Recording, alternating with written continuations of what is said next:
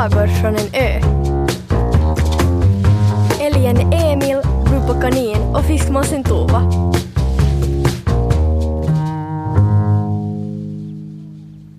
Ända sedan Bubba Kanin såg fiskmåsen Tova för första gången var det en sak som hon önskade sig mest av allt. Önskningen hade utan tvivel sin rot i en serie händelser i barndomen. För länge sedan, när Bubba inte var mer än en fluffig boll, hade hennes mamma visat henne en film i många delar om en pojke som satt på en vit fågels rygg och flög. Var det en gås?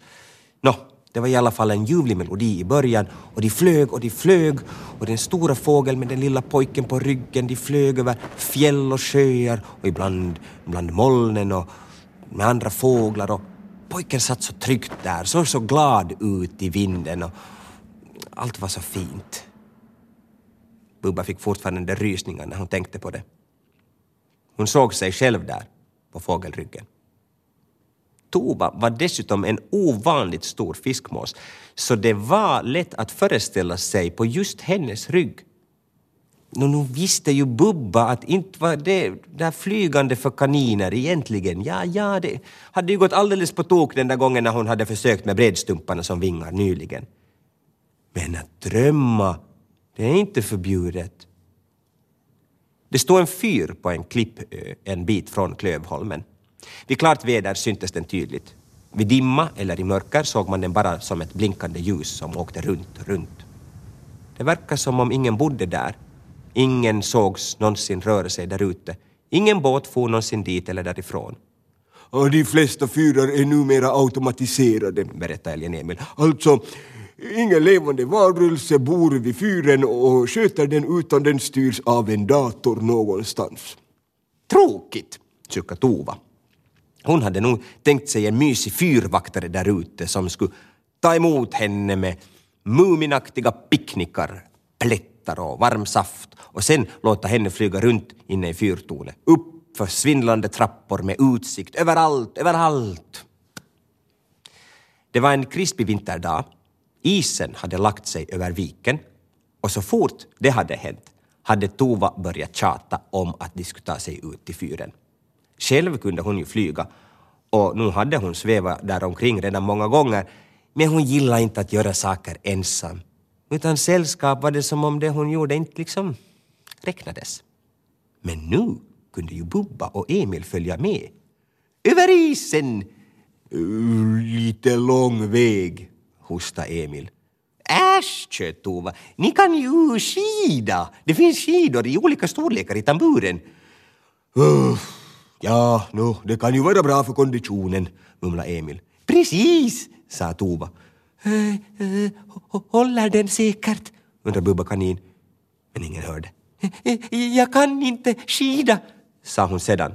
Men Emil och Tova var redan igång med skidprövningen. Bubba hittade inga skidor som passade och började gråta. Men hon måste snyfta ganska högt och falla ihop innan någon märkte det. Men Bubba, sa Emil, jag kan inte skida. Hulka Bubba kanin. Jag, jag har för korta ben och isen kan gå sönder. Oh, Tova, Bubba verkar inte ivrig på den här utfärden, ropade Emil. Men sedan fick han en idé. Öh, Bubba, jag kan skida och du kan sitta på min rygg. Ja, ja, men du är ju rädd för att sjunka genom isen. Mm. Bubba började gråta igen. Dagen går, dagen går, skränade Tova. Jag måste få se den där fyren. Jag får inte ro förrän jag har sett med egna ögon att den helt säkert är automatiserad och att jag inte missar någon spännande fyrvaktare varje sekund. Vad ska vi göra? Bubba slutade gråta.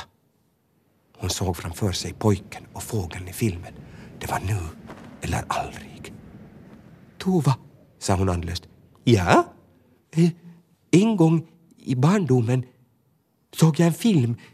Den var med en fin melodi och sen var det en pojke som satt på en fågels rygg och... Ja? Ja, och nu undrar jag, stammade Bubba, om jag kunde få sitta på din eh, rygg när du flyger. Tove spände sin trutgrå blick i henne och log.